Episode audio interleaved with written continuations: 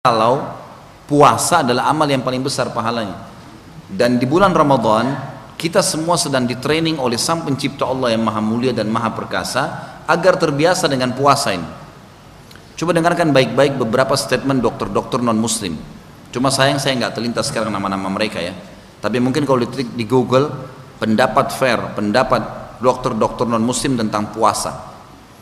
Di antaranya pernah saya dapatkan beberapa statement mereka bilang umat Islam adalah umat manusia yang paling sehat di dunia. Karena mereka punya training puasa seminggu dua kali, ada Senin dan Kamis.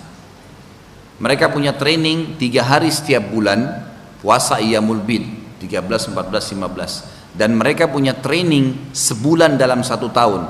Dan puasa ini dalam pandangan dokter, alam medis ini adalah kesehatan karena manusia bisa mengontrol makanan dan minuman, berhenti dari situ. Karena sumber penyakit dari makanan dan minuman. Berhenti, diredam. Maka pada saat orang sedang puasa, segala sesuatunya jadi terkontrol, berhenti makan. Yang ada di dalam tubuh lagi diproses dengan antibodi tubuh untuk diselesaikan. Kalau dalam bentuk kotoran, bentuk penyakit itu bisa keluar dengan tidak adanya makanan baru. Karena sel-sel kita sibuk untuk menyelesaikan masalah yang ada dalam tubuh kita ini diperbaikin. Itu puasa. Orang-orang non muslim pun tahu itu. Subhanallah pernah ada kejadian nyata teman-teman sekalian di Saudi. Satu orang kaya di Riyadh.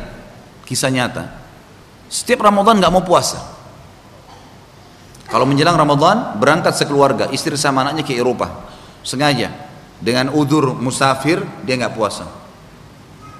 Dan memang setelah balik pun dia sengaja berangkat Ramadan. Karena Ramadan di Saudi semuanya libur Anak-anaknya pun dibawa, anak-anaknya pun tidak ada puasa. Berjalan kurang lebih 10 tahun seperti ini. Setelah 10 tahun Allah Azza wa Jal yang maha mulia dan maha tinggi mencoba dia. Ujiannya adalah kena penyakit di perutnya. Dia berobat sampai 3 tahun non-stop berangkat ke dokter spesialis yang paling terbaik di dunia dibayar sama dia. Dokter semua angkat tangan. Ini nggak tahu penyakit apa nih. Nggak jelas. Kalau datang sakit perutnya, maka dia melingkar-lingkar kesakitan nggak bisa makan, nggak bisa tidur, nggak jelas penyakit apa. Minum obat, obat juga sangat canggih. Subhanallah, satu waktu di tahun ketiga, dia ketemu dengan satu orang dokter spesialis penyakit dalam di Jerman. Dokter ini Katolik dan memang sudah lama mau masuk Islam. Dia sering baca Quran terjemahan dalam bahasa Jerman.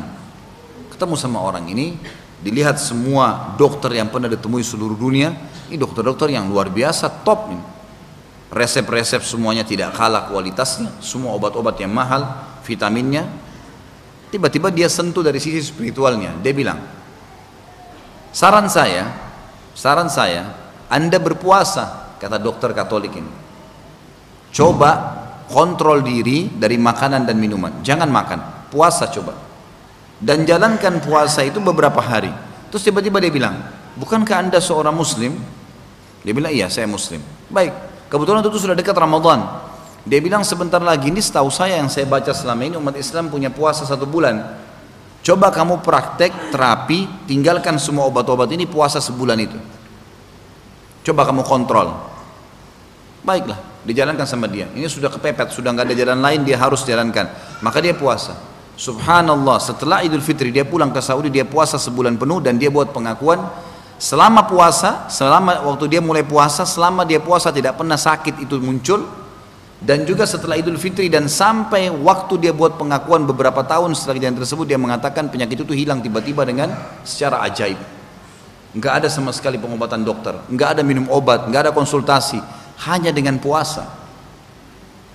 Allah zat maha pemula yang memang menciptakan kita yang menyuruh itu teman-teman sekalian dan Ramadan supaya kita tidak jenuh dibuat semua yang syahadat wajib puasa kalau sudah balik. Jadi kita lihat oh di sini puasa oh ini puasa. Satu rumah kita semua puasa. Satu sekolah kita teman-teman puasa. Guru-guru pada semua semua puasa nih. Kita ke Saudi orang puasa kita ke Afrika orang puasa kita ke Amerika orang puasa. Jadi mau tidak mau kita harus masuk dalam lingkar puasa itu. Target utamanya adalah seseorang di antara kita terbiasa berpuasa Sayangnya, sayangnya, pas tiba Idul Fitri, banyak orang lisannya mengatakan Alhamdulillah, Alhamdulillah. Tapi Alhamdulillah ini bukan karena siap menerapkan ilmu training Ramadan. Alhamdulillah seperti lepas dari penjara ibadah. Alhamdulillah tidak lagi puasa. Alhamdulillah tidak lagi sholat terawih. Alhamdulillah tidak lagi mengaji. Masjid jadi kosong semuanya. Ya. Ini sama dengan orang tidak bisa mengemudi mobil, bayar tempat mengemudi mahal, sebulan. Orang kalau belajar mengemudi mobil teman-teman pasti tahu seminggu sudah bisa bawa mobil. Ini sebulan. Pakai driver yang paling hebat bayar sebulan. Setelah itu nggak pernah nyetir mobil. Bermanfaat ke trainingnya. Panggil seorang profesor ahli bahasa Arab sama bahasa Inggris. Bayar 24 jam duduk belajar bahasa terus. Setelah sebulan habis itu pergi profesornya dan dia tidak pernah praktekin bahasanya. Bermanfaat? Tidak bermanfaat sama dengan itu. Sebulan penuh digodok biasa puasa tiba-tiba berhenti total. Kembali kepada kebiasaan buruknya. Ini hal yang tidak boleh terjadi. Ada tema khusus nanti atau mungkin sudah ada di, di YouTube tentunya sudah diangkat. Judulnya Mutiara Mutiara Ramadan. Ini pernah saya sampaikan memang ini khusus setelah Idul Fitri. Bagaimana kita menarik hasil training Ramadan ke setelah Ramadan. Karena itu penting sekali Sayang di training dibiasakan untuk untuk puasa kemudian kita tinggalkan. Baik. Masalah puasa ini teman-teman sekalian, ada syaratnya untuk mendapatkan nilai plus. Selain pahala yang besar, ada nilai plusnya. Nilai plus pembersihan dosa. Ikutkan puasa itu dengan keimanan dan mengharapkan pahala. Imanan wahtisaba. Hadis Bukhari Muslim. Kata Nabi SAW, Man sama Ramadana imanan wahtisaba. Gufira ma taqaddam min zambi. Siapa yang berpuasa Ramadan diikuti dengan keimanan, yakin Allah perintahkan ini dan mengharapkan pahala-pahala yang dijanjikan, maka diampuni dosanya yang telah lalu. Dan ini perlu digarisbawahi ya, puncak ibadah seorang hamba, seorang mukmin kepada Allah yang Maha Mulia adalah kalau dia mengejar targetnya. Boleh enggak saya sholat malam supaya doa saya mustajab? Bukan cuma boleh, memang harus begitu. Karena memang Allah Nabi SAW menjanjikan ya kalau sepertiga malam Allah turun dan menerima menerima doa orang-orang yang berdoa. Berarti kita sedang mengejar target itu. Nah itu puncak ibadah. Boleh enggak saya bersedekah supaya saya tidak jadi dihukum oleh Allah? Nabi SAW yang mengatakan, As-sadaqatu tudfi'u ghadabur rahman. Sadaqah bisa meredam murkahnya Allah. Abdullah bin Umar Abdullah bin Abbas mengatakan anhum majma'in, kalau saya merasa ada kesalahan yang saya lakukan agar Allah tidak menghukum saya, maka saya keluar bersedekah memberikan orang-orang fakir miskin. Orang kalau kejar target itu, puncak ibadah di situ. Makanya kata Nabi SAW di sini, siapa yang puasa Ramadan diikuti dengan keimanan, yakin perintah Allah dan ihtisab, kejar targetnya, kejar target yang dijanjikan, pengampunan dosanya, maksimal pahalanya dan seterusnya maka diampuni dosanya yang telah lalu. Teman-teman sekalian dalam puasa hati-hati. Jangan ada pelanggaran-pelanggaran agama. Dusta, maksiat ini berbahaya sekali. Nabi SAW wanti-wanti para sahabat dan diingatkan juga kepada kita. Dalam hadis yang diriwayatkan Imam Tirmidzi man lam yada qawla zuri wal amala bihi falaisa lillahi hajatan an ta'amahu wa syarabah. Siapa yang tidak meninggalkan dusta dan perbuatan dusta tetap saja bohong tetap saja nulis nota palsu ini salah satu contoh saja. Maka Allah tidak punya hajat menilai lapar dan hausnya. Nggak ada manfaatnya. Biar dia haus biar dia lapar tapi bohong percuma. Dihapus pahala itu.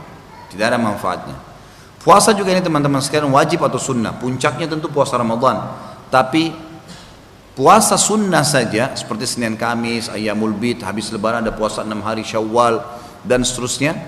Ini disebutkan dalam hadis Muslim, puasa satu hari di sisi Allah karena di jalan Allah maka akan menjauhkan si pelaku puasa tadi yang mengerjakan puasa itu dari api neraka 70 tahun.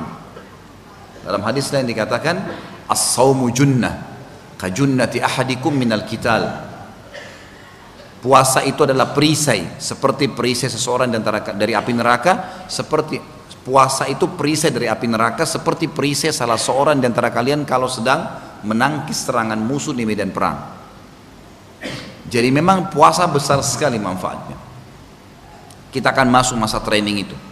Jangan pernah teman-teman sekalian ada persepsi negatif atau sugesti negatif yang antum tanamkan dalam pikiran. Sugesti ini sama dengan niat sebenarnya. Niat itu dalam agama, kalau bahasa sekarang bisa kita tarik sugesti sebenarnya. Orang kalau niat puasa, sugesti mau puasa gitu kan. Orang mau niat bangun malam, dia sugesti mau bangun malam. Ini sugesti ini bisa baik bisa buruk. Kalau kita larinya kepada baik, maka akan baik. Contoh begini. Banyak orang menanamkan sugesti negatif dengan puasa. Contoh, nanti kalau bulan Ramadan saya lemas nggak ya kalau puasa? Ini sekarang saya sahur satu piring, nanti jam 11 ini lapar nggak ya? Ini sekarang saya minum nih, ada orang sampai 7 gelas minum, 10 gelas minum, sampai penuh kembung perutnya. Sugesti dia, yang dia tanamkan adalah nanti sebentar kalau saya nggak minum banyak haus. Padahal ini salah, ini sugesti yang salah. Kalau antum niatnya benar, saya minum segelas air, bahkan tidak sahur pun, Sugestinya bisa sampai azan tahan, azan maghrib. Buang semua itu. Puasa membuat saya lemas. Lemas benar nanti.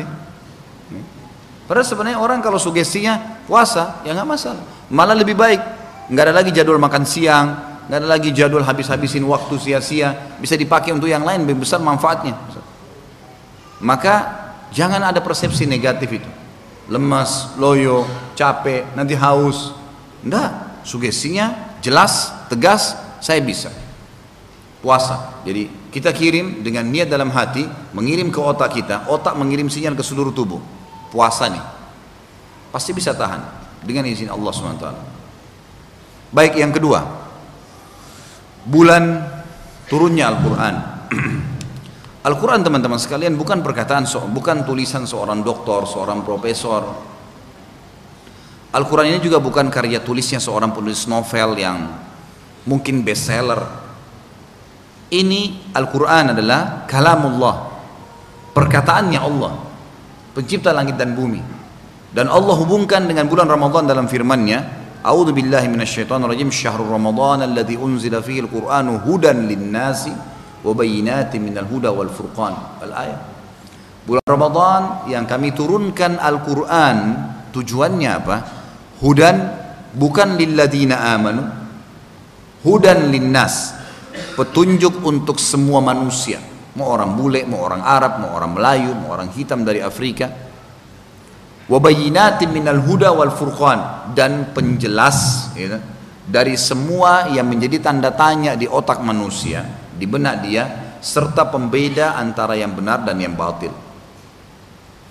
Al-Quran punya empat hak dari kita teman-teman sekalian. Sebelum saya sebutkan empat hak ini, kita harus tahu hadis Bukhari Muslim bahwasanya baginda Nabi Wasallam di Ramadan setiap hari mempelajari Al-Quran bersama Jibril alaihissalam. Empat hak ini yang pertama kata ulama adalah membacanya. Karena Nabi SAW menyuruh Ikra'ul Quran fa innahu ya'ti syafi'an di ahli yaumul qiyamah. Bacalah kalian semua Al-Quran karena dia akan jadi penolong bagi pembacanya pada hari kiamat. Dalam hadis yang lain dikatakan Al-Baqarah dan Al-Imran. Dua surah ini akan berdiri di hadapan Allah pada hari kiamat memberikan syafaat kepada pembacanya sampai Allah memasukkan pembacanya dalam surga. Suruh baca, Bulan Ramadan bulan masa training menjadi sahabat Al-Quran. Para sahabat teman-teman sekalian kalau tiba Ramadan yang mereka lakukan bicara yang penting atau Al-Quran. Udah nggak ada yang lain. Semua yang lain ditinggalkan Al-Quran. Hak pertama Al-Quran teman-teman baca, ngerti, tidak mengerti. Berurut dari Al-Fatihah, Al-Baqarah, Al-Imran sampai 111, 114 An-Nas. Baca saja. Kata Nabi SAW dalam hadis Bukhari, perumpamaan orang mukmin yang baca Al-Quran seperti utrujah, buah yang wangi dan rasanya manis. Perumpamaan orang mukmin yang tidak baca Quran seperti kurma. Tidak ada aromanya, tapi dia manis dengan keimanannya. Jadi memang kita disuruh baca. Baca Al-Quran itu. Dalam hadis yang lain dikatakan orang yang baca Al-Quran dan dia mahir dalam bacaannya maka dia akan bersama safaratil kiramil barara. Ini istilah bagi malaikat pilihan-pilihan Allah. Dan siapa yang baca Al-Quran tapi dia masih belum lancar. Ya tak terputus-putus tapi tetap dia baca maka dia mendapatkan dua pahala. Jadi kalau hadis yang lain mengatakan setiap huruf alif lam mim alif satu huruf 10 lam 10 uh, uh, mim 10 30 pahala maka khusus untuk orang yang susah baca tapi dipaksain double jadi 20 pahala setiap hurufnya gitu. Ramadan bulan dibaca Al-Quran ini hak yang pertama dan ingat hadis Nabi SAW pendapat yang paling kuat jumhur ulama yang mengatakan bagi ahli Al-Quran nanti kalau sudah mau masuk surga disuruh berhenti dulu. Lalu kata Nabi SAW Allah menyuruhnya membaca. Di sini ratil. Kata-kata ratil itu suruh baca, bukan hafalan. Suruh baca. Baca ayat yang ayat Quran yang sering kau baca di dunia. Dari Al-Fatihah sampai An-Nas. Baca tuh. Setiap satu ayat diangkat satu derajat. Allah biarin dia baca terus sampai dia tiba tiba di surga tertinggi, Firdaus. Ayatnya masih banyak. Ayat Al-Quran banyak sekali jumlahnya, ini kan? Maka 6000 lebih ayat, maka sampai di derajat tertinggi kata Allah Subhanahu wa taala, cukuplah akhir tingkatanmu di surga derajatmu adalah akhir ayat yang kau baca. Artinya diangkat sampai derajat tertinggi hanya karena sering baca. Yang kedua, mentadabbur.